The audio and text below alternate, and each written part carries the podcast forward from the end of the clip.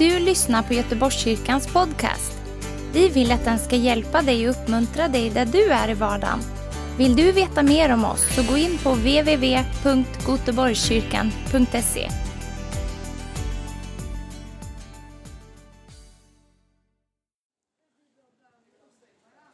Ja, tack.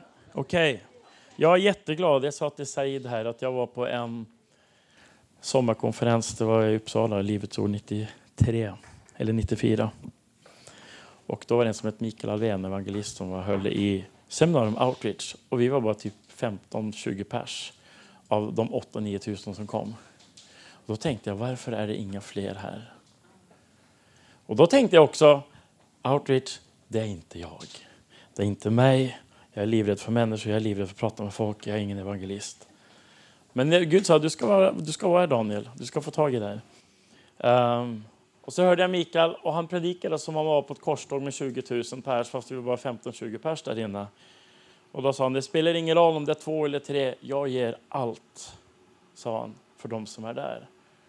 Det är 30 år sedan han sa det där och det ringer fortfarande i mig. Så om jag har en workshop tänker jag, det är två eller tre. Jesus han hade tid för kvinnan vid brunnen, en person. Han hade tid för Nikodemus en hel natt. Så då handlar det inte om antal utan att de som är där tar emot. Ska vi bara be, be först innan vi drar igång. Så Jesus, vi bara tackar dig för att du säger i ditt ord, följ mig så ska jag göra er till människofiskare. Och Jesus, det här är inget som vi väljer eller väljer bort, utan du har sagt om vi följer dig, då blir vi människofiskare. Och vi vill inte välja bort någonting Jesus som du har bestämt för våra liv, utan du har bestämt om oss att vi ska gå ut. Du säger, jag har bestämt om er, ni ska gå ut. Ni ska gå ut och ni ska bära frukt där ute. Så det är inget vi kan välja bort, utan vi säger ja Jesus till att följa dig där du går. Och du går alltid till de förlorade. Du lämnar de 99 och du går till de förlorade där ute. Så om vi ska följa dig Jesus, då vill vi också följa dig dit du går. Amen. Så jag blev frälst som 19-åring. Det är 30 år sedan. Och eh, när jag blev frälst, jag vill börja med mitt vittnesbörd, för vi har gott om tid. Min undervisning är inte så jättelång. ja, jag kan hålla på länge, men inte det jag förberett, är inte så mycket. Så jag blev frälst som 19-åring och var en väldigt rädd och blyg människa. Jag var livrädd för människor. Det fanns inget läskigare än människor. Det var det värsta jag visste. Eh, jag vågade inte prata med någon. Folk kom fram till mig och pratade med mig. Det var jättejobbigt. Folk bara sa hej eller tog mig handen och hälsade, det var fruktansvärt. Livrädd när jag gick i skolan och gymnasiet. Kunde inte ens läsa högt i klassen. Kunde inte stå inför klassen och redovisa. Stod och skakade. Och var helt livrädd för människor. Sen blev jag frälst. Och eh, då glömmer jag aldrig någonting Jesus sa till mig. Det var hösten 93 och så sa han så här. Daniel, du kan bli vem du vill. Och då, vad menar du Jesus? Och då sa han, om du vill vara frimodig, då kan du bli frimodig. Om du vill ha utåtriktad, då kan du bli det, för det finns i mig. Om du vill ha orädd för människor, då kan du bli det Daniel. Du kan bli precis den människan du vill vara. Jag kan göra dig till en person, därför att allt finns i mig. Så han frågade mig en kväll, jag låg i sängen och pratade med Jesus. På höst 93 jag gick bibelskolan första året. Så sa han, hur vill du vara Daniel? Då sa jag, jag vill vara frimodig, jag vill vara orädd. Jag vill ha lätt för att prata med människor. Jag vill, jag vill inte vara den här inskränkta, rädda människan som aldrig vågar och söker kontakt eller pratar med folk. Och då sa han, då ska jag sätta dig fri, sa han. Jag ska sätta dig fri från människofruktan, jag ska sätta dig fri från alla de här hinder och barriärer du har i dig. Så började han ta mig på en resa. Eh, jag är kanske inte helt framme än, men jag kom till en bit på väg. Och eh, en spännande resa faktiskt. Ehm, och så började Jesus utmana mig. Och jag kommer, jag kommer aldrig glömma det här. Det var andra året på bibelskola och vi åkte iväg på en te, på teamresa till Lidköping. Ligger det nära Göteborg? Jag är så dålig på geografi. En timme härifrån, okej. Okay. fanns någon, på, på den tiden fanns en trosförsamling där i alla fall, jag vet inte hur det är nu. Och sen ska vi ut och evangelisera och det fanns inget värre än att prata med människor om Jesus, som man inte, alltså främlingar. Det var det värsta som kunde hända mig. Det var det värsta med bibelskoletiden. Det var att knacka dörr i Uppsala för 30 år sedan. Hej, jag kommer från Livets Ord. Bang smäller de igen dörren. Eller hej, vill du höra om Jesus? Pling plong. Och stockholmare, för de som har bott i Stockholm och Uppsala-regionen, det är inte som i Göteborg. De är väldigt, ännu mer, liksom, ännu mer alltså, instängda. Så svenskar, är, för mig som norrman, så är svenskar ganska instängda som människor. Men Göteborg är mycket mer öppna i alla fall och pratar med varandra mycket lättare. Åker du, åker du tunnelbanan i Stockholm, du pratar inte med någon på tunnelbanan. Um, och eh, jag var yngst, jag var 19-20 år gammal. Nej, 20 år gammal var jag. Och så säger pastorn, nu ska vi ut och evangelisera och vi ska ha torgmöte. Och så sa han, ja goda nyheter, Lidköping är ett av Sveriges största torg. Och det är fullt med folk nu på lördag. Så det finns hur många som helst att prata med. Och då tänkte jag, jag ska hålla mig i bakgrunden här. Och så sa han så här, vi har sett upp en scen och vi ska ha ljudanläggning och vi behöver någon som kan predika. Är det någon som vill predika? Ingen ville predika på teamet och jag var yngst och det fanns någon som varit frälst i 20 år, 30 år. Ingen ville göra det. Så sen helige ande, Daniel du ska göra det. Jag hade aldrig gjort det förut. Och jag bara sa nej det ska jag inte göra. Och sa du ska göra det Daniel, jag vill sätta dig fri från fruktan. Så jag sa till pastorn, jag tar det. Och den kvällen fick jag inte sova. Och jag hade sån ångest, jag hade sån rädsla. Jag bara låg i sängen och skakade. Jag nästan grät av ångest. Och när jag vaknade på morgonen jag var så livrädd. Och hjärtat bultade. Jag bara, ska jag stå och predika om Jesus på torg i Sverige? Och jag var liksom, hade inte ens svenska ord. Ny, nyfrälst och livrädd för människor. Och kunde inte ens stå inför min klass på gymnasiet och redovisa någonting. Och Gud sa, gör det här. Och på morgonen jag bara var ner på knä och bara, Greta, Jesus hjälp mig. Så åkte vi dit. Och så gav han mig mikrofonen och sen gick jag upp och sen föll en helig hand över mig. Och sen sprang jag runt på torget och predikade som, jag vet inte. Jag kände mig som Reinar Bonke eller Mikael Alvén. Det var inte jag. Och så kom pastorn ut med efteråt och sa det här har du gjort många gånger, jag märker det. Det här är liksom, det finns möjligheter över ditt liv. Jag sa, det är första gången i mitt liv. Och då sa han, ljug inte för mig. Så jag ljuger inte, det är första gången jag har gjort det här.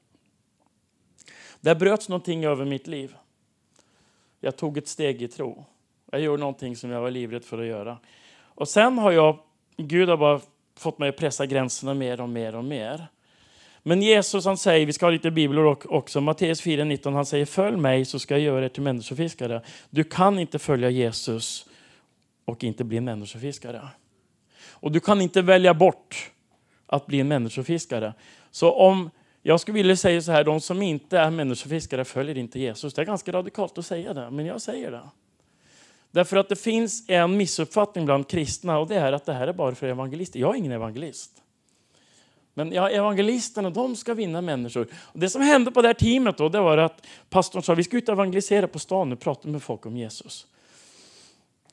Och då hade vi haft det här torgmötet, så då sa teamledaren till mig, han var en farbror i 55-årsåldern. Så sa han, men Daniel du är evangelist. Han sa, du går ut och pratar med människor om Jesus, vi andra stannar inne och fikar. I kyrkan det är ingen bra teamledare. Så sa jag, nej men pastorn sa att vi ska alla ut. ja men vi vill stanna här inne liksom. Så jag bara, va? Andra året på bibelskola. Då tänkte jag, vad är det här? Och då säger Jesus, jag kom för att uppsöka det som är förlorat. Om du ska följa mig, då är det där ute som jag är. Så Jesus tog ganska tidigt det här med mig och sa Daniel, om du vill vara en kristen, om du vill vara en lärjunge, om du vill följa mig och älska mig, du kan inte välja bort det här. Du ska vara ett vittne för mig överallt. Och du ska vara en människofiskare. Och grejen är så här, varför är ordet evangelisation finns inte i Bibeln. Så det ordet har en viss klang som folk inte gillar. Men jag använder den då. Men varför är evangelisation svårt? Därför att det inte är en livsstil. Allt det som inte är en del av vårt liv, det är svårt. Det är samma som bön. Om, om bön inte är en livsstil, det är jättesvårt med bönemöten. Det är hemskt, det är tråkigt, det är segt, det är jobbigt. Ska jag gå på bönemöte? Äh, bönemöte. Jag hör ordet bönemöte, jag blir glad. Yes, låt oss be i många timmar, vi kör liksom. Eller, men Är det, är det inte en del av mitt liv? Jag älskar att be för jag är en bedjare. Jag älskar att prata med folk om Jesus därför att jag är ett vittne. Eller hur? Så det här måste bli inget som vi gör. Det är inte så att vi evangeliserar ibland, utan jag är ett vittne. Det är vem jag är. Och ett vittne vittnar om Jesus. Så vi behöver få en identiteten. Paulus säger till Timoteus, gör en evangelisttjänst. Timoteus var ingen evangelist, men Paulus säger, glöm inte den här delen, glöm inte att vara människofiskare. Och sen tog Jesus mig på en resa. Och han sa, jag vill att du studerar Paulus liv, det här var ju 30 år sedan. Studera Paulus liv Daniel och se vad han lägger tyngdpunkten på. Och när man läser Paulus brev så är det liksom, när han tar liksom kärnan i sin tjänst, så var det inte bygga församling eller starta bibelskolor eller ens träna lärjungar, utan det var att vara ett Jesu vittne. Och det går igen så många gånger i Paulus brev att det här, det här eh, jag kan ta det här så hör ni det här. Apostlagärningarna 26, 16. Jesus säger så här. Jag har visat mig för dig, alltså Paulus, för att utse dig till tjänare och vittna. Både till vad du har sett och till det jag kommer att visa dig. Apostlagärningarna 22.15 så säger Jesus till Paulus, du ska vara mitt vittne inför alla människor. Inför alla människor. Apostlagärningarna 18.5 står det Paulus var helt upptagen med att vittna om Jesus. alltså Paulus, så fort han kom i en ny stad, ut på torget och vittna för människor om Jesus. Han var en själavinnare. Och det här var liksom pulsen i Paulus liv. Sen blev folk frälsta och då var han tvungen att starta församlingar och insätta äldsta och starta bibelskolor och allt det här. Men själva kärnan i Paulus liv, det var att vara ett vittne för Jesus. Och det sätter Paulus högst av, all, av alla saker han har fått i uppdrag. Alltså, du tänker på det här att känna Jesus och Filipperbrevet 3. Men i Paulus liv, uppdraget han hade fått från Gud, så var det att vara ett vittne om Jesus, det var nummer en.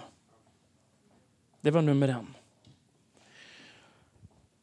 Så, så Jesus visade mig, alltså Daniel, du kan inte välja bort det här. Du kan inte välja bort det här. Du kan inte göra det här. Om du älskar mig, om du vill följa mig, då ska du vara ett vittne. Så jag blir, jag, blir, jag blir störd, och jag blir ledsen och jag blir upprörd i min anda. Men jag förstår samtidigt att folk säger och känner så här, men liksom, att jag är inte en sån här person. Därför att, förstå mig rätt nu, jag är inte arg på, på er eller som ni känner eller säger så här, men det är inte jag heller. Men Jesus i mig, han söker de förlorade. Jesus i mig sträcker sig ut till människor runt omkring mig. Och jag, jag ska ta ett exempel. Vi bodde i Katrineholm, när jag var pastor, det, min första församling 2004. Och vi höll på att tappa det här. Jag blev så upptagen i församlingen och det blev som en egen bubbla. Liksom. Man bara springer mellan kyrkan och hemmet.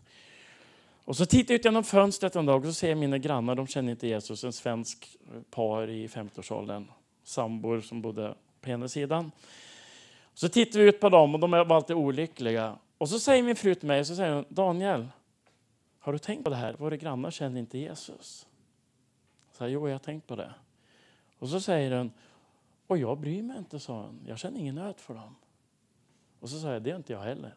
Vi tänkte, nu är vi ärliga här liksom. Och så sa hon, det är ju, det är ju hemskt. Vi har ingen nöd för våra grannar. Jag sa, det är fruktansvärt, sa jag. Och våra hjärtan är kalla, sa hon. Ja, de är iskalla, sa jag till henne. Ja, men så här får det inte vara, sa hon. Nej, det får inte vara så här. Så vi började ägga upp varandra. Så sa hon, vad ska vi göra åt det här då? Ja, vi måste be att Gud värmer upp våra hjärtan och smälter hårdheten i våra liv. Vi måste be att Gud ger oss nöd för våra grannar. Ja, men låt oss göra det, säger de. Så vi började be varje dag. Gud, ge oss hjärta för våra grannar. Så började vi be för våra grannar. Och det tog inte många veckor. Alltså, när man såg grannar, man kände, man ville nästan gråta, man bara kände sån nöd, man bara kände sån, man fick Jesu hjärta för dem. Man bara fick ont, man bara, man bara kände Jesus i mig, bara stå och grät. Så började vi be Gud ge oss tillfällen och då har vi bott där ett tag. Och då skulle vi ha en evangelisationsvecka i stan. Och jag är på väg ut genom dörren med Bibel i handen. Jag ska springa till, till, till min bil.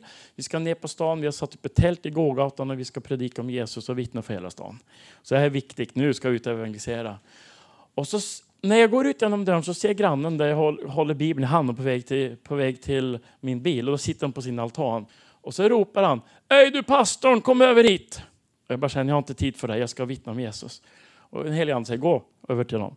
Så jag går över till honom. Så jag bara, håller din hand, Bibeln. Vart är du på väg? Ner på stan. Vad ska du göra där? Jag ska berätta om Jesus. Och så han, sätt dig ner här, berätta för oss om Jesus. Varför? Och så, och så jag sätter mig ner och säger, kan du berätta för mig och min sambo varför du är kristen och tror på Jesus? Och då sa den helige Ande, strunta i evangelisationen. Nu, nu ger du alltid till dina grannar. Och då har jag Bibeln i hand. Så jag öppnar min Bibel och så börjar jag predika för Jesus. Vem han är. Varför han kom. Och så berättar jag om min frälsning och hur jag mötte Jesus. Och hon börjar bara storgråta och säger det är precis vad jag behöver.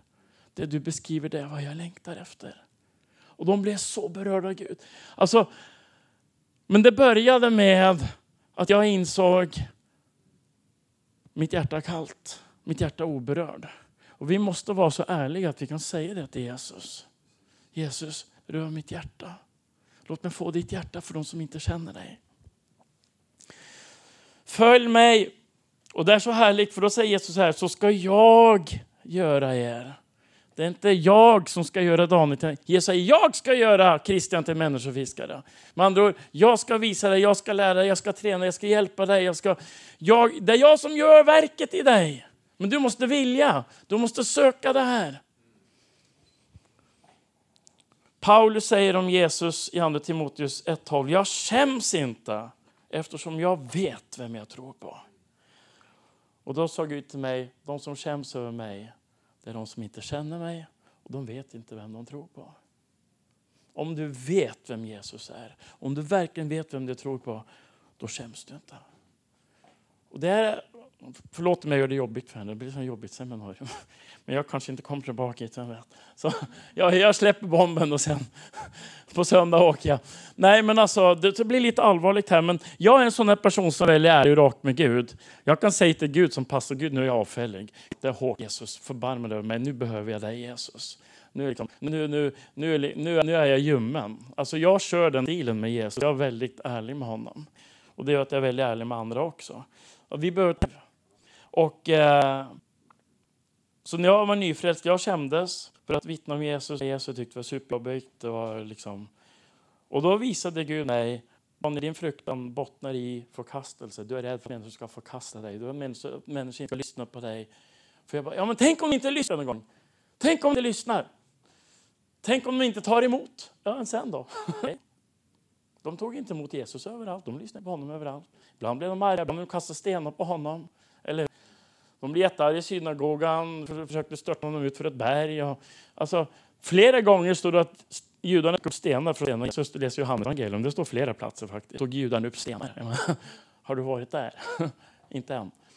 Så, så, och därför ber Paulus att vi ska bli rotade i Kristi kärlek. Vilken driver av all fruktan. Så finns det en rädsla. Jag ska prata om vilka verktyg Gud har gett oss. Den största av Guds kärlek. Jag ska komma in på andens gåvor och kraftgärningar och allt det här. Men det är och allt möjligt. Men, men kärleken är det starkaste. Det finns inget starkare. Att få Jesu hjärta för människor. Halleluja. Jag har haft många här i olika kyrkor om evangelisation och att nå ut. Uh, och så säger många kristna mig, ja men jag har inget att dela, jag har inget att vittna om, jag har inget starkt vittnesbörd. Är det någon som har tänkt det någon gång? Ja, ni behöver räcka upp handen. Men jag har mött många, jag har suttit med liksom pingsammanhang, sitter med folk som har frälst 50-60 år. Jag har inget starkt vittnesbörd. Så det har du visst. Då. Gud har bevarat dig i alla år. Gud var trofast. Han har bevarat dig i tron. Alltså, vadå inget starkt Ja, men jag har inte varit som Sebbe. Jag har inte suttit i fängelse liksom, och ställt droger. Måste du sälja droger för att ha ett vittnesbörd? Eller hur? Alla har vi ett vittnesbörd. Johannes 3.11 säger Jesus så här. Eller är det Johannes döparen? Nu blir jag osäker. Men det står i alla fall så här. Det vi vet talar vi och det vi har sett vittnar vi om. Jag tror det är Jesus som säger det. Det enda du behöver att berätta, det är det du har sett. Du vet när jag är ute på stan och evangeliserar med mina barn. För de älskar att vara ute och ta, på, på stan och tala om Jesus. Vi tar ungdomen ut var tredje vecka så vi är ute på stan och evangeliserar i olika städer i Sörmland. Och då, då står Julia lite längre bort kanske och pratar med någon. Så säger jag, ser ni den tjejen där borta? Ja. Säger hon är 18 år, det är min dotter Julia. Jaha, okej. Okay. Ja, när hon var liten så hade hon epilepsi. Och Jesus botade henne. Får jag berätta vad som hände? Ja, det får du berätta. Så delar jag vittnesbörd hur Jesus botade Julia från epilepsi som blev fullständigt helad. Ofta när jag delar det, det är så starkt vittnesbörd så jag kan bara stå och gråta. Och de, alltså de bara, jag kan inte säga emot. Jag kan inte säga emot. Och sen får jag berätta vad Jesus gjorde i mitt liv. Ja, och så delar jag vad jag har sett och hört och vad Jesus har gjort i mitt liv. Och så hade vi en annan kille som heter Gabriel. Så jag ser ni killen där borta, det är Gabriel. Han är 20 år gammal, hans mamma heter Maria. Och vet ni, Maria hon var döv på båda öron. Hon fick hörsel i en av våra gudstjänster inför allihopa. Och läkaren sa det är ett mirakel. När hon var tillbaka på sjukhuset och han skulle skriva in till ett mirakel har hänt. Gabriel, han har sett Jesus göra under. Alltså, så jag delar andras vittnesbörd. Det är ett annat verktyg Gud har gett oss. Inte bara mina egna, utan andras vittnesbörd. Vet du vad, jag känner en person som heter så och så. Och det finns ingen större kraft än i vittnesbördet. Det är otroligt. Och jag använder andras vittnesbörd friskt, liksom. människor jag känner, inte bara mina egna vittnesbörd. Det vi vet, det talar vi, det vi har sett, det vittnar vi om. Ett vittne är ingen annan än någon som berättar vad man har sett, hört och upplevt. upplevt. Kärlek nummer ett.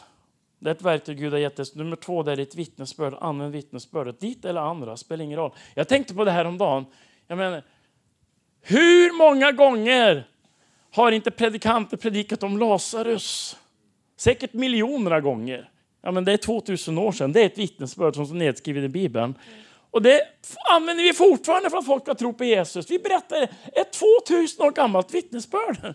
Ett mirakel som hände för 2000 år sedan som någon skrev ner. Och så använder vi det nu fortfarande 2000 år senare för att folk ska tro på Jesus.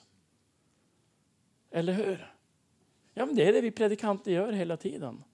När vi tar berättelser från Bibeln. Vittnesbörd om vad Gud gjorde för 3000 år sedan. Och sen har vi en hel predikan om det nu. Vi måste bestämma oss. Jag ska inte bara vittna eller evangelisera, jag ska vara ett vittne. Och det är vår grundkallelse som kristna att vara vittna om Jesus. Apostlagärningarna 26.16, jag tycker det är så starkt. Jag har visat mig för dig för att utse dig till tjänare och vittna.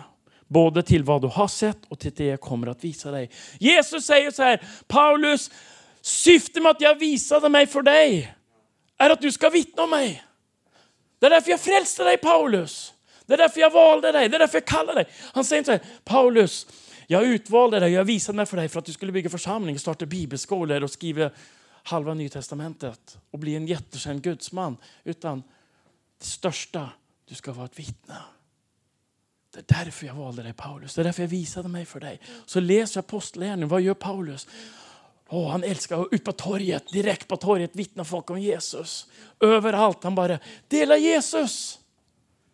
Som vi hade mött Paulus på den tiden, vi hade tänkt vilken evangelist. Eller hur? Vilken, Ha, han är en speciell evangelistkallelse. ha, jag är inte så där. Nej, Paulus han var en kristen, han var en Jesu efterföljare. Därför var han en själavinnare. Så jag hade allt emot mig. Jag hade människofruktan, jag hade rädsla, jag hade ångest, jag hade mindrevärde, jag hade eh, jag kunde inte prata, jag kunde, jag kunde ingenting. Liksom, jag hade allting emot mig. Och Gud sa till mig, Daniel, du ska ta dig igenom det här. Du ska göra det du inte har vågat göra förut. Och jag skulle kunna berätta många berättelser vad Gud fick mig att göra för att bryta människofruktan. Ett sånt extremt tillfälle, jag satt på ett flygplan på väg till Rumänien med team från kyrkan och sen heliga ande reste upp och predikade för hela flyget nu. Jag bara, det gör jag inte Jesus. Man gör inte så. Liksom, nej, jag gör inte det. Och helige Ande bara kom över mig så starkt. Han sa, jag vill att du ska göra det nu. Det är någon som behöver höra det på det här planet. Och då, då fick jag så här, då tänkte jag, okej okay, det kanske är någon här som det är enda chansen att få höra om Jesus. Om jag inte gör det här, ska vi vara lite här jobbiga nu, då kanske jag får deras blod på mina händer. Esekiel. Vi ska liksom vara i Guds röst. Jag kanske kommer hållas ansvarig för det här. Men alltså, man gör inte så här. Ja, men det var bara normen liksom. Man gör inte så. Alla sitter, en del sov och jag tittade runt, en del satt och sov och de läste sina tidningar. Just det, det som är, och vi satt mitt i flyget. Liksom. Och så sa jag så här, helig ande, om det här är du. Jag visste att det var en helig ande, men, men jag tänkte jag ska göra någonting som gör att det inte blir av. Så när helig ande, om det här är du, då ber jag att du säger till lovsångaren som sitter där borta att jag ska predika och så ska hon säga det till mig. För jag tänkte hon hör aldrig Guds röst. Så då blir det ingenting av. Och så fort jag sagt det här, hon heter Maria, så bara hoppar den till. Daniel! Jag tror en helig ande säger att du ska stå upp och predika för hela flyget nu. Så jag, bara, ah! så jag gjorde det. Jag stod upp och höll ett väckelsemöte på flyget på väg till Rumänien. Och sen när jag var klar, då stod hela lovsångstimmen och De prisa Gud och lovsjunga. Så vi liksom tog över hela flyget. Men, ja men allvarligt. Jag var med ungdomarna. Jag jobbade som ungdomspastor i, i Pingstkyrkan i Nyköping för många år sedan, 20 år sedan. Och vi, då hade vi ungdomsresor till Schweiz. Och så står jag i liftkön är någon som har varit i Schweiz, i Alperna, där det är jättemycket folk. Det är ju helt vansinnigt med folk. Tusentals folk som trängs. Och så hör jag ett par i kön, bara en meter ifrån mig, som pratar svenska. Och så säger en helig ande till mig, säg till den mannen att när du behöver hjälp, ropa på Jesus. Jag bara, det kan jag inte göra. Pass, alla liksom, det är precis, man ska in i liften och allting. Och den helige Ande säger, ropa till honom, och kalla Jesus när du behöver hjälp. Och jag var inte lydig. Och jag bara, alltså nu hade jag gjort det, jag hade gjort det. Jag, jag hade gjort det, för, men då hade jag fortfarande så mycket fruktan att göra en sån där grej bara. Hej, ropa på Jesus! Så jag gjorde inte det här. Det här paret, senare på dagen, då åker de ut på en av glaciärerna. Och han tappar fästet och ramlar 100 meter och ramlar mot klipporna och dör.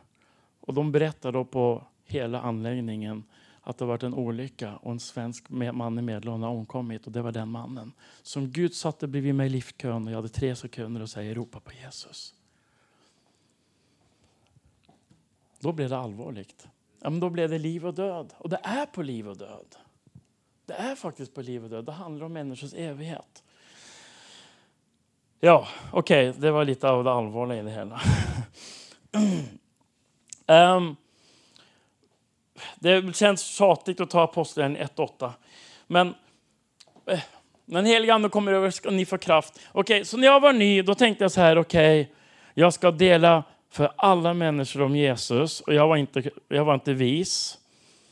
Så, så jag gick bibelskola i Uppsala och sen var det ut på stan. Och jag gick upp till första personen jag såg. Och sen efter ett tag tänkte jag så här, om jag verkligen ska bryta igenom, då ska jag ta de värsta. De heter Hells Angels eller gängmedlemmar eller så här. Och då började folk slå mig och hota och döda mig. Jag liksom fick springa och jag fick stryk och grejer. Och så efter ett tag, sen, då var det inget roligt längre att vittna. Och sen helig ande, du, du, du gör det fel Daniel. För jag var inte ledd av en helig ande, utan jag bara tänkte att det är bara att gå fram till någon och prata. Liksom. Nej, det är inte det. Det vi gör i vår ungdomsgrupp nu när vi går ut, vi tar flera timmar i bara bön och söka Jesus. Och jag säger till dem, hellre en halvtimme evangelisation och tre timmar i Guds närvaro. Än en halvtimme bön och tre timmar ute. Och första delen innan vi går ut är bara Gud, ge oss ditt hjärta. Gud, låt oss känna vad du känner. Gud, låt oss få, få den nöden som du har. Gud, mjuka upp våra hjärtan. Ge oss dina ögon och se mig när vi går ut ikväll. Det är första delen. Så stilla ner våra hjärtan, låt han beröra våra hjärtan. Och den andra delen är att vi börjar be för dem vi ska möta. Så be om färdigberedda gärningar, att Gud ska leda rätt folk till oss. Och sen när vi går ut, himlen är öppen varenda gång. Det är liksom, det är som det, det känns nästan som det är något fel. Jag bara, men det är inget motstånd här och alla är så öppna och alla vill ha förbön och alla vill liksom ta emot. Och, liksom, det är ju Sverige liksom. Alltså det, det, känns så konstigt därför att förr så var det tvärtom. Man bad 10-15 minuter och sen gick man ut fler timmar och så blev det ingen frukt. Men nu är det precis tvärtom. Vi tar två, tre timmar i bön, söker Gud på våra knän och ropar till Jesus, förändra våra hjärtan. Som ber för dem vi ska möta. Och sen när vi går ut vi är ut, det räcker att vi är ute en timme och vi får be för så många människor. Det är liksom... Det är bara, man fattar ingenting. Och det går tillbaka till det vi sa igår. Därför att i vår ungdomsgrupp vi har blivit så medvetna om det här. Hur beroende vi är av Jesus. Hur mycket vi behöver honom. Och inte minst när vi ska ut och dela Jesus med andra. Så när den helige ande kommer över er ska ni få kraft och då tänker vi om det är väl en gång, det var pingstdagen. Nej, det är faktiskt inte så. Den helige ande behöver komma över oss igen och igen och ge oss ny kraft till att vara Jesu vittnen. Det är ingen engångsgrej.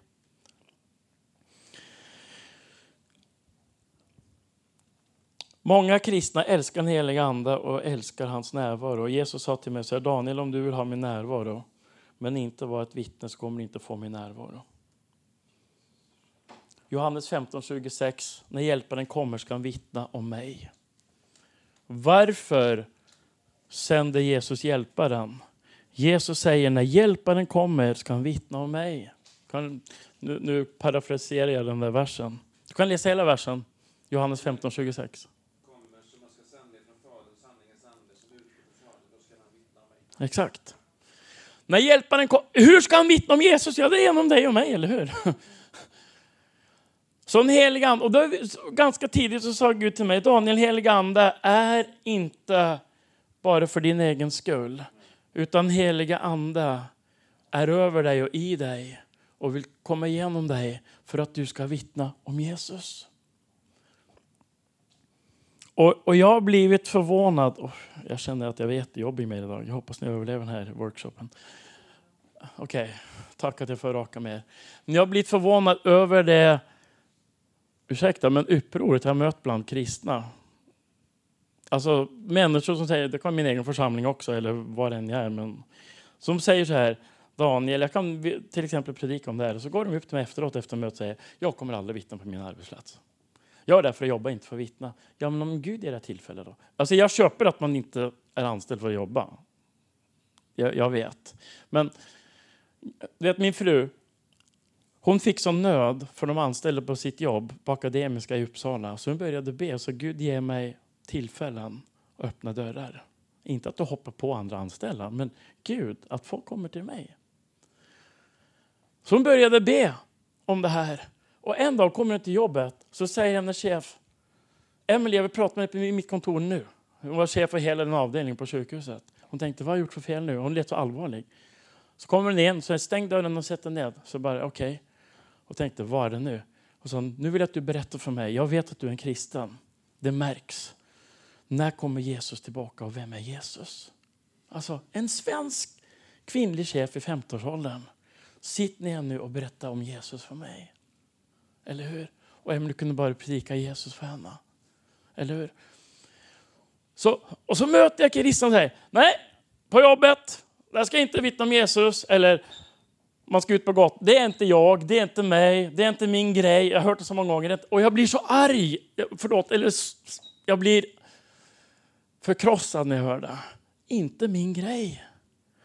Hur kan man säga så om man är kristen? Det är inte min grej att dela Jesus.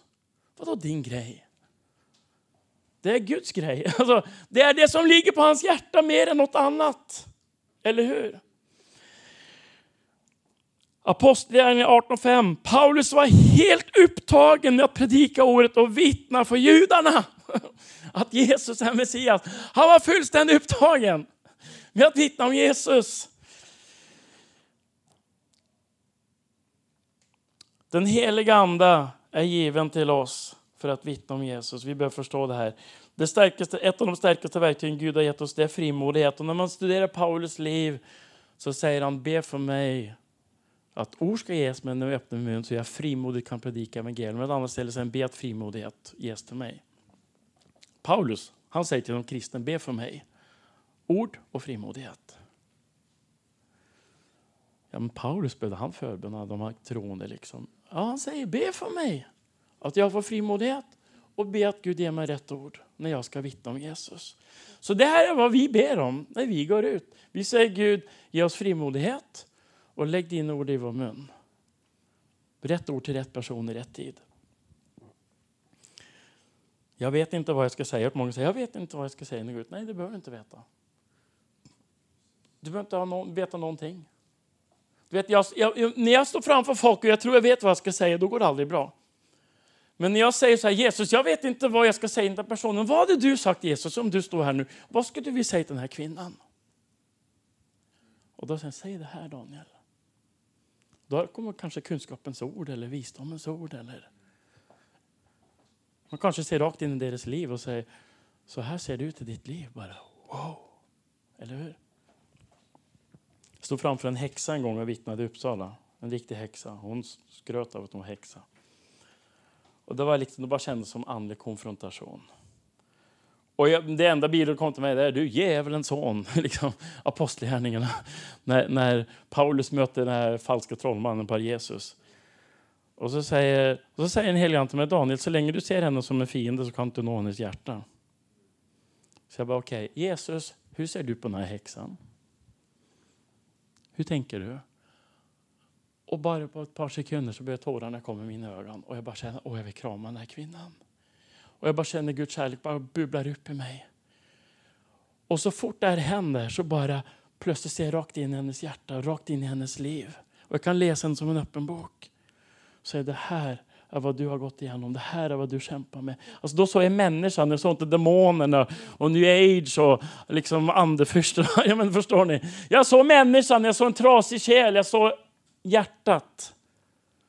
Och plötsligt den här kvinnan bara smälter helt och är vidöppen för Jesus. Jag var på ett möte med Roger Larsson när jag var ganska ung, jag var i 20-årsåldern. Jag ville inte ens gå dit. Jag tyckte Roger var tråkig att lyssna på. Han var lite spännande, för han kan vara profetisk ibland, men jag, jag, tyckte det var tråkigt att lyssna på Roger. Det ska jag inte tänka nu, men så tänkte jag då. Men det var min vän som ville att vi skulle gå dit. Så jag följde med, för han var nyfrälst. Jag följde med för hans skull, för jag ville inte gå. Jag ville vara hemma och bara ta det lugnt. Då sa jag, vi sätter oss upp på läktaren. Jag tänkte, vi sitter långt bak och bara, behöver inte ens stå upp under lovsång, kan jag bara slappa liksom. Så jag sätter mig på läktaren. Och mitt under predikan börjar Roger, han bara stannar upp. Och så pekar han ut mig uppe på läktaren. Och så beskriver han mig, stå upp, jag har ett ord till dig från Gud. Och så, bara, och så säger han, Gud ska ge dig nåd att nå satanister och djävulsdyrkare med evangelium. Satanister och djävulsdyrkare? Ska jag nå dem? Vad är det här för ord från Gud? Ja, men liksom. Och så tänkte jag, jag får väl lägga det på, jag lägger det på hjärtat. Liksom. Han, han hör ju från Gud, Roger och så här, så jag får väl bevara det i mitt hjärta. Så jag började liksom spara det på hårddisken. okej, okay, vi får väl se. Sen några år senare så blev jag ungdomspastor i Nyköping och det var otroligt många djävulsdyrkare i Nyköping. Jag hade ingen aning hur många det var. Och då har vi som ett öppet café och så kommer det in en kille, en 17-årig kille som sitter på HVB-hem. Året innan hade han mördat en annan kille i stan. Och han är så full av djävulen och så full av hat och ondska, den här killen. Det var en sån utstrålning över hela honom. En djävul, riktig djävulsdyrkare, inte den där hobbyn. Men liksom. Då visste inte jag att hela hans rum på hemmet var ett, som ett altare till Satan. Liksom, med ett riktigt altare, offeraltare och alltihopa. Liksom.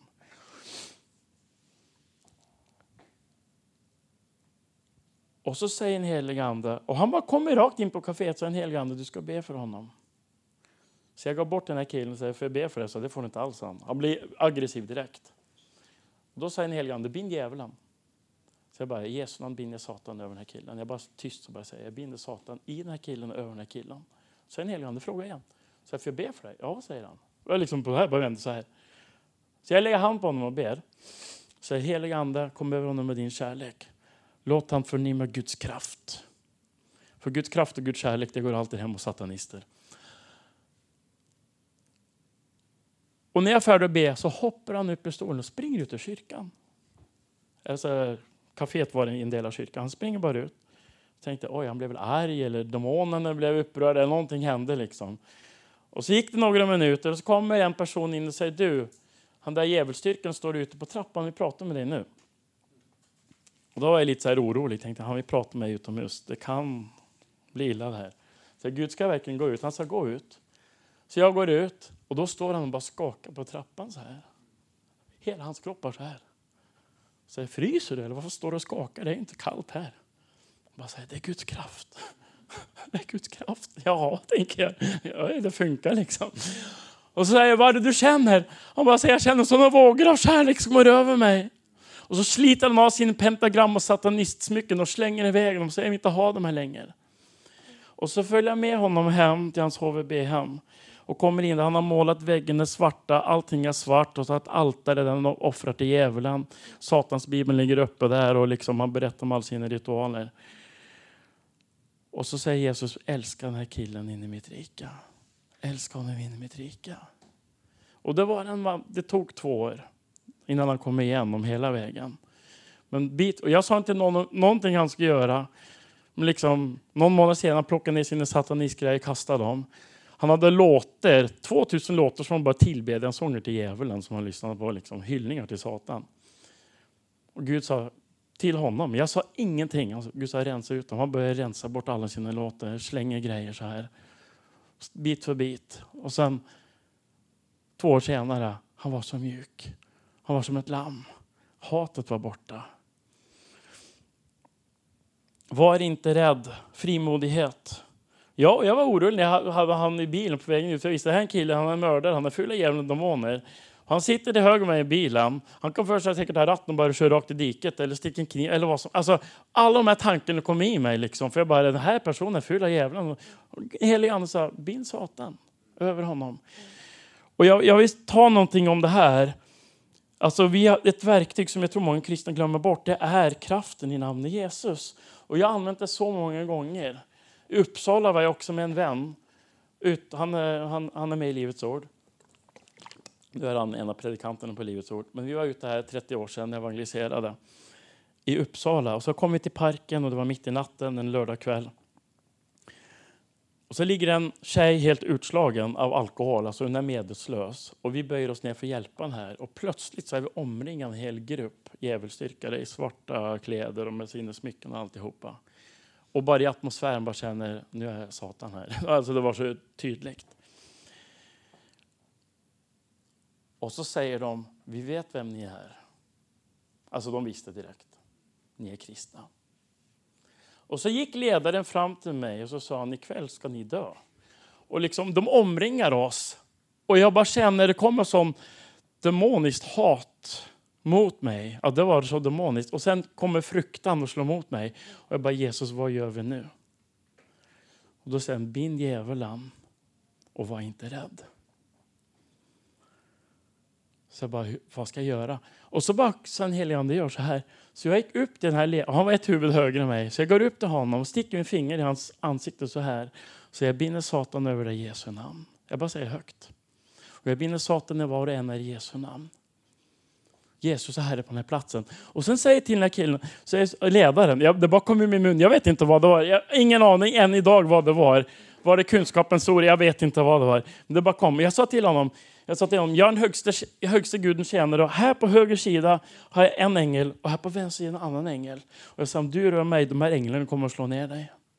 Och när jag säger det här så backar allihopa två steg så här. Och så börjar de skaka.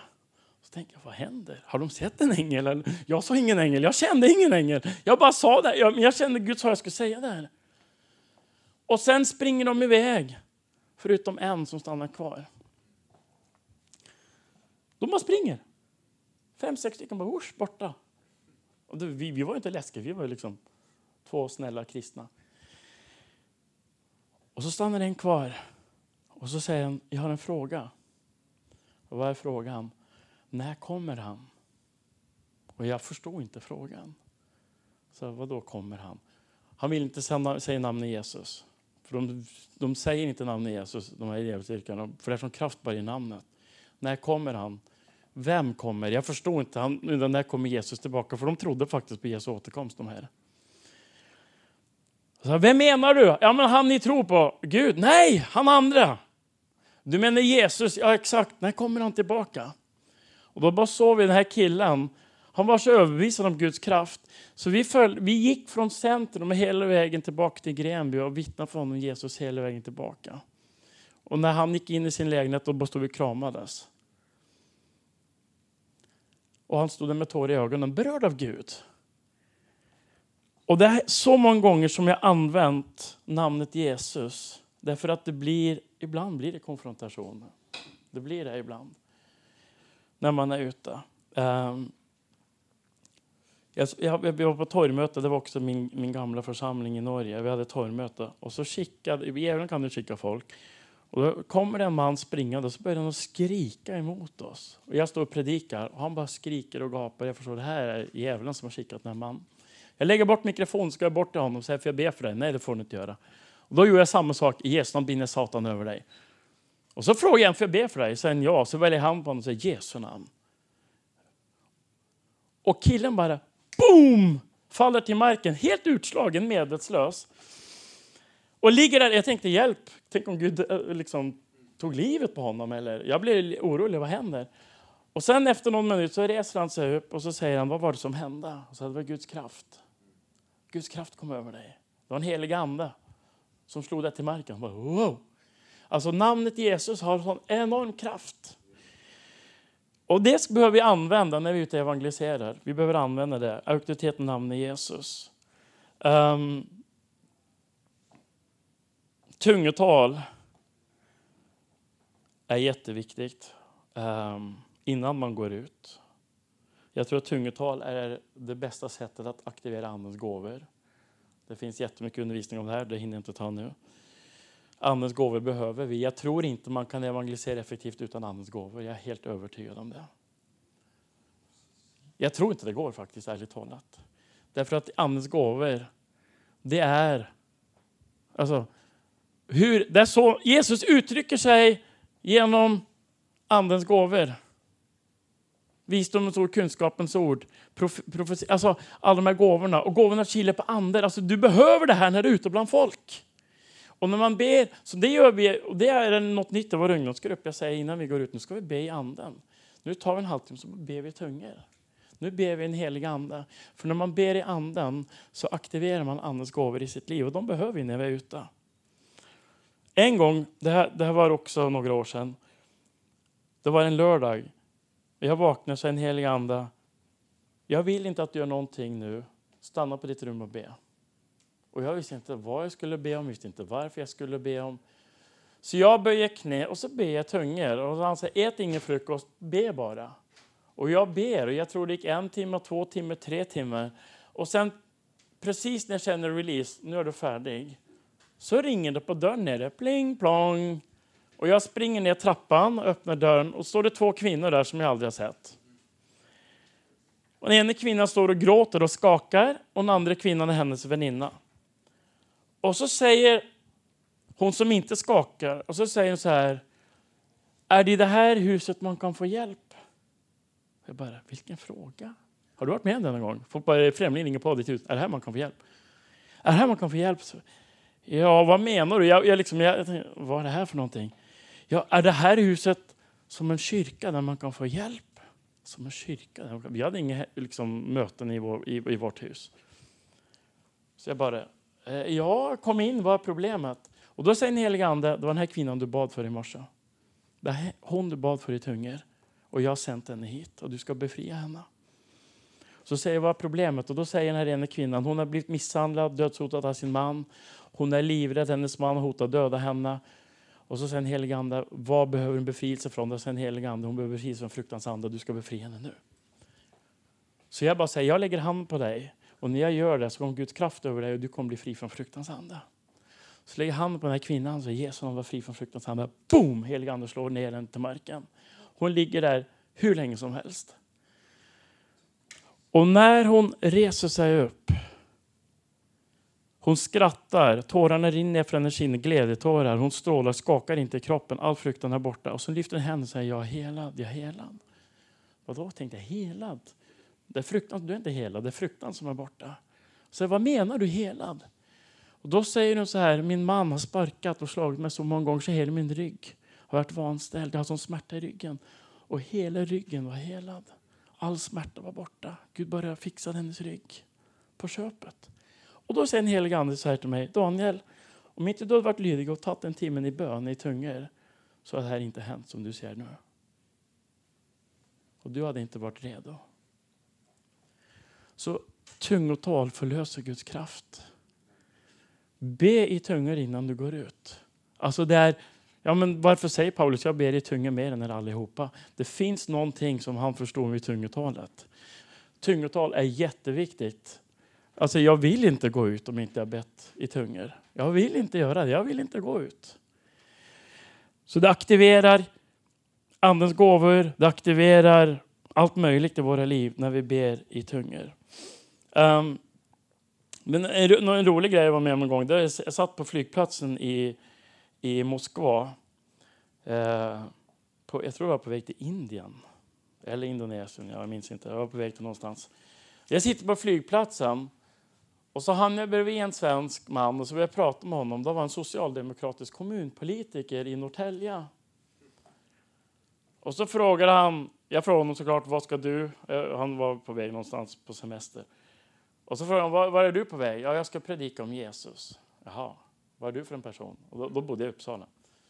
Med i Livets Ord. Livets ordare, liksom, Norrtälje är ju ganska nära Uppsala, då är man ju ganska skum, i alla fall på den tiden, på 90-talet.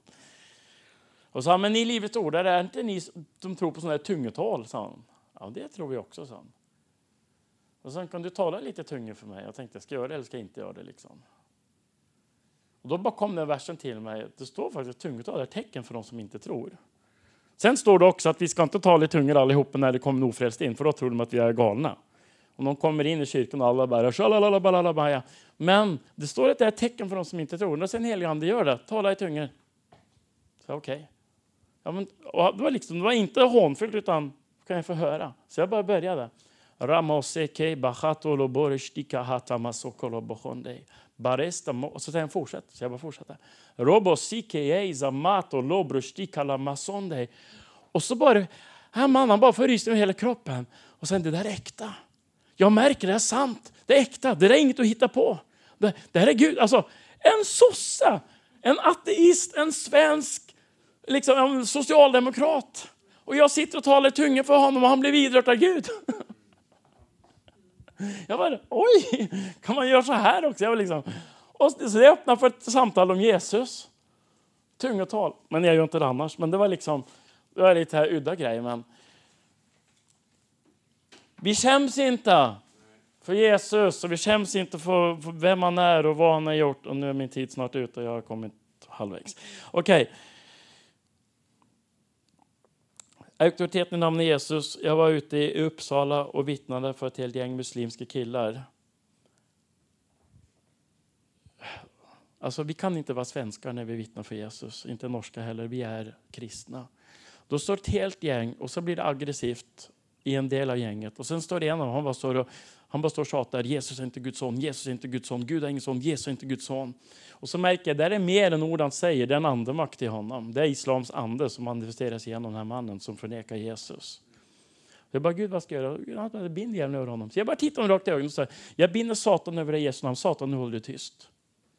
Inför allihopa, inför hela gruppen. Och han, så här. Och han kan inte öppna sin mun. Och så säger han, Ej, vad gjorde du med vår kompis? Ej mannen, vad gjorde du med vår kompis? Vad är det här? Och så säger det är Jesus, för han är större. Jesus stängde igen munnen på honom. Och han kunde inte få ut ett ord. Det blev ett tecken för de andra. Bara, oh, det är kraft i namnet Jesus. Um, verktyg, kraftgärningar, mirakel. Jag var hemma en gång, jag bad i tungor. Och så sa jag bara så här, det var lättare för när man inte hade familj och barn och allting. Du vet, ja, det var så härligt. Ja, men det är lite som Paulus säger, liksom den som inte, ni vet, har omsorg om familj och allting, han är helt fri liksom att bara, bara satsa allt på Guds rike. Så på den tiden var det ju så. Liksom. Ingen barn och inga förpliktelser. Det var bara helt in. Helig ande, vad vill du göra nu genom mig? Så jag var på mitt rum och sa, helig ande, vad vill du göra? Jag bara är tungor. Så sa han, du ska åka ner på stan med din bil och ställ dig utanför puben. Och det här var typ 11 på kvällen.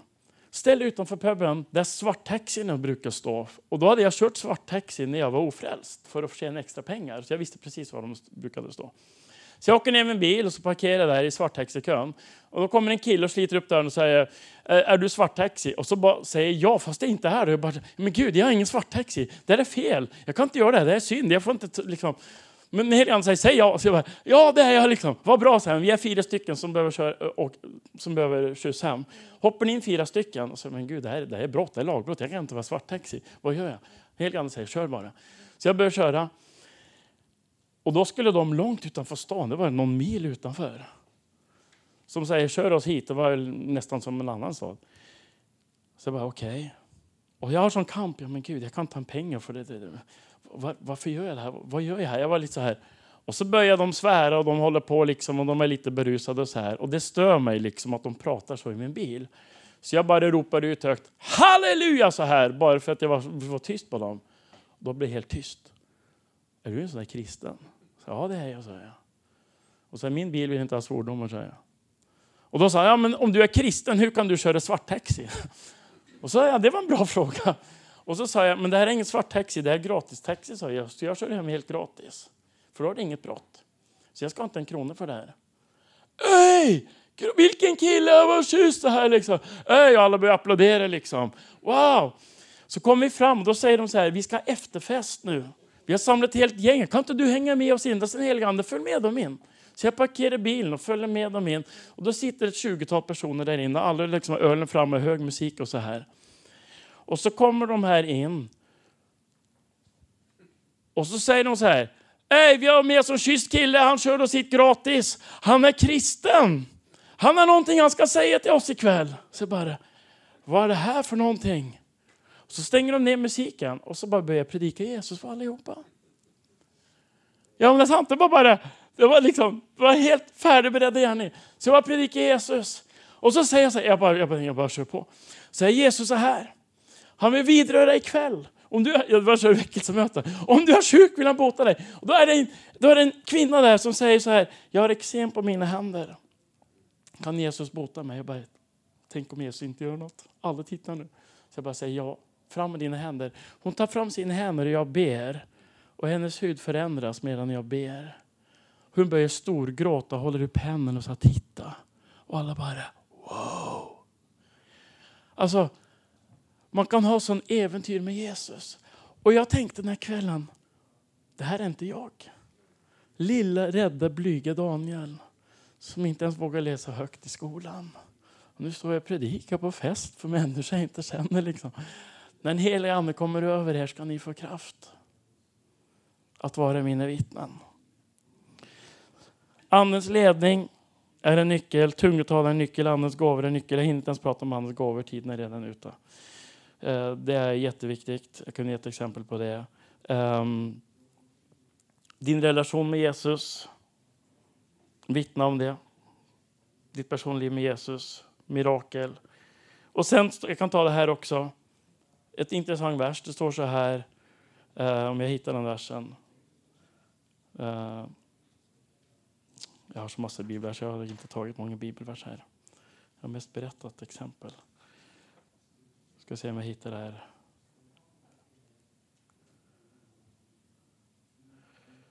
Var har jag den där? Det står i alla fall en... Jag har för många papper här. Det står en vers i alla fall det, står, det kanske du vet vad det står, Christian. Det står att så de våra goda gärningar på den dagen Gud söker dem.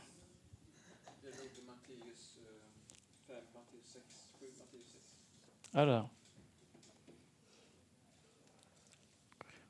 Jag trodde jag hade skrivit ner det här.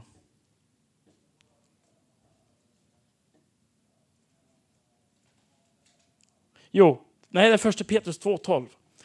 Uppför er väl bland hedningarna så att de, när de anklagar er som förbrytare, ser alla goda gärningar ni gör och prisar Gud den dag han uppsöker dem.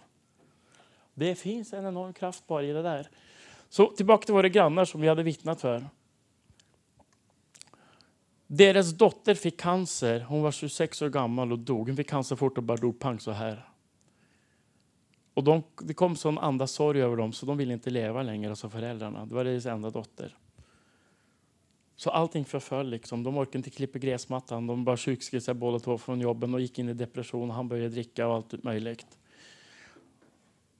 Och sen deras hus, det hade de blivit målat om på länge så det var helt mögligt och grönt på ena sidan. Och då bara fick vi den här idén, vi ska göra goda gärningar. Då var det någon som bjöd dem på en utlandsresa en vecka, bara för att komma bort. Och när de var borta så tog vi och tvättade hela huset. Vi bad inte om tillåtelse, vi bara gjorde det. Allt mögel tvättade vi bort, klippte gräsmattan och fixade allting.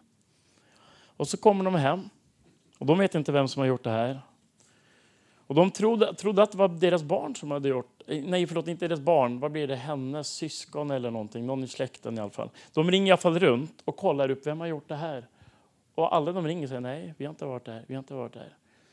Och så är jag ute en kväll på min gräsmatta och plockar päron från vårt träd. Och så frågar grannen, var det ni som tvättade vårt hus och klippte vår gräsmatta och gjorde det här? Ja, det var det. Det var jag och fick hjälp av min bror och några till. Och så tåren bara rinner ner för era kinder. Och säger, ni är inte kloka, ni kristna. Hur kan ni göra så här? Vad är det med er? När vi flyttade därifrån så stod de och grät båda två. De bara storgrät och sa, snälla lämna inte oss, flytta inte härifrån. Vi kommer att sakna er så mycket. Lämna inte.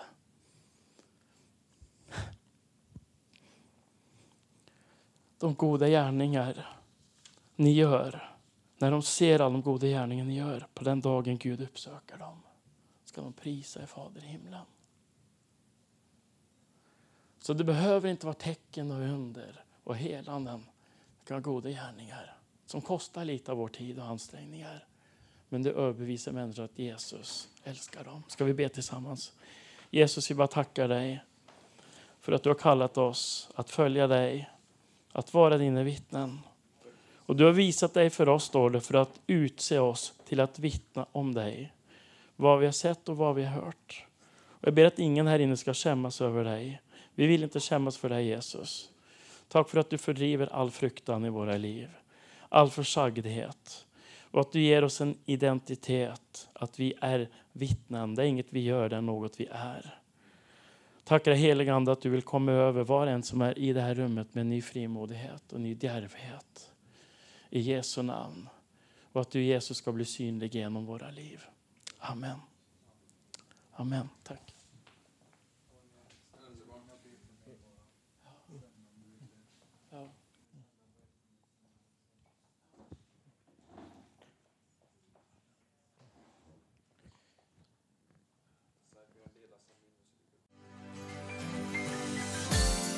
Tack för att du har lyssnat. Dela gärna podden med dina vänner och glöm inte prenumerera. Om du har frågor eller vill att vi ska be för något så mejla oss på info På söndagar har vi veckans höjdpunkt. Då firar vi gudstjänst tillsammans och det vore så kul att träffa dig där. Men vi har även samlingar för barn då? Gå in på vår hemsida goteborgskyrkan.se så får du veta mer. Välkommen till oss!